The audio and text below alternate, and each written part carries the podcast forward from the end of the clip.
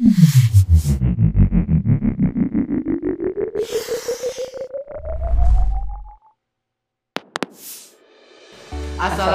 warahmatullahi wabarakatuh.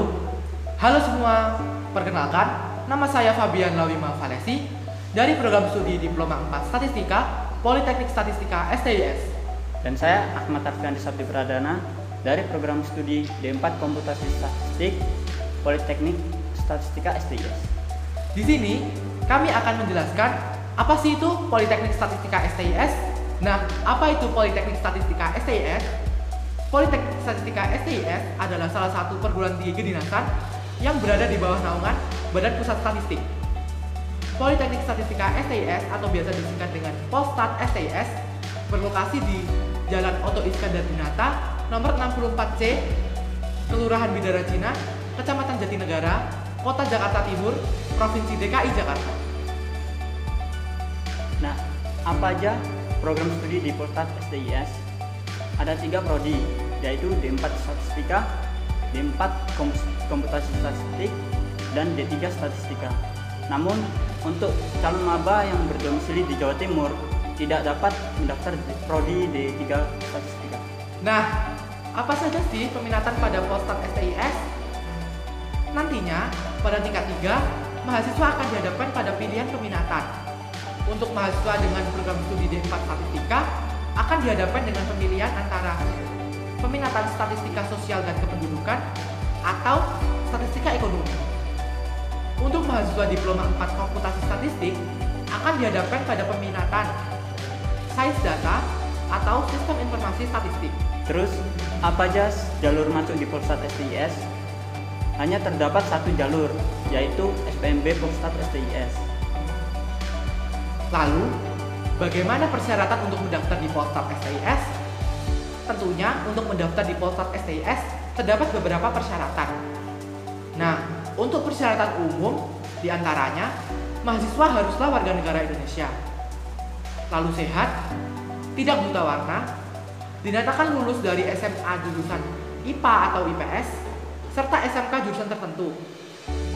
Dengan nilai ijazah pada mata pelajaran bahasa Inggris dan matematika wajib tidak kurang dari 80 dengan umur minimal yang diperbolehkan untuk mendaftar yaitu 16 tahun dan umur maksimalnya 22 tahun. Bagaimana sih cara pendaftarannya? Pendaftaran bisa melalui portal sstasn.bkn.go.id atau dikdin.bkn.go.id. Lengkapi semua berkas dan persyaratan, lalu mendaftar di pmb.stis.ac.id. Berapa sih biaya pendaftaran peserta STIS tahun 2020? Ya, untuk biayanya yang dibebankan bagi pendaftar adalah sebesar 300.000 dan bisa ditransfer melalui rekening BRI. Kemudian setelah mendaftar, tentunya kita akan ikut tes kan? Nah, apa aja sih tes yang diujikan? Pada tahun 2020 terdapat tiga tes Tes yang pertama yaitu tes seleksi kompetensi dasar. Tes seleksi kompetensi dasar terdiri dari tiga subtes, yaitu tes wawasan kebangsaan, tes intelijensi umum, dan tes karakteristik pribadi. Setelah itu akan diperingkat untuk mengikuti tes tahap kedua. Tes tahap kedua adalah tes matematika. Materi yang diujikan seputar matematika wajib dan matematika peminatan SMA. Setelah itu, diperingkat lagi untuk mengikuti tes tahap 3. Tes tahap 3 adalah tes kesehatan.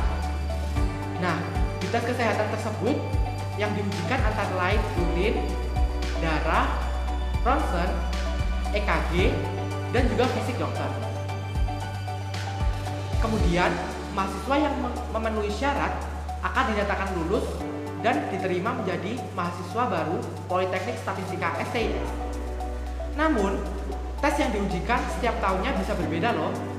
Pada tahun 2019 contohnya, terdapat tes psikotes. Namun, pada tahun 2020, tes tersebut dihilangkan karena untuk mempersingkat waktu dikarenakan adanya pandemi.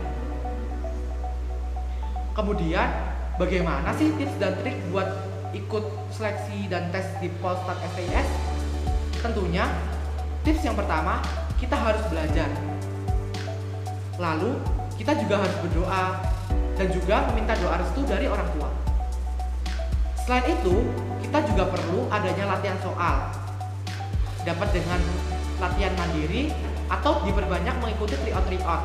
Sekarang banyak kok tryout online yang berupa soal-soal SKD atau matematika yang gratis, tapi juga ada yang berbayar. Kemudian, kita juga harus selalu update informasi tentang STMB Polsat STIS. Dapat melalui Instagram @polsat_stis atau melalui website spmb.stis.ac.id. Kemudian, yang paling penting dan yang paling utama adalah kita harus menjaga kesehatan. Karena kalau kita tidak menjaga kesehatan, kita tidak bisa mengikuti tes dengan baik. Nah, sekian paparan dari kami. Semoga bermanfaat. Atas kurang lebihnya kami mohon maaf. Wassalamualaikum warahmatullahi wabarakatuh.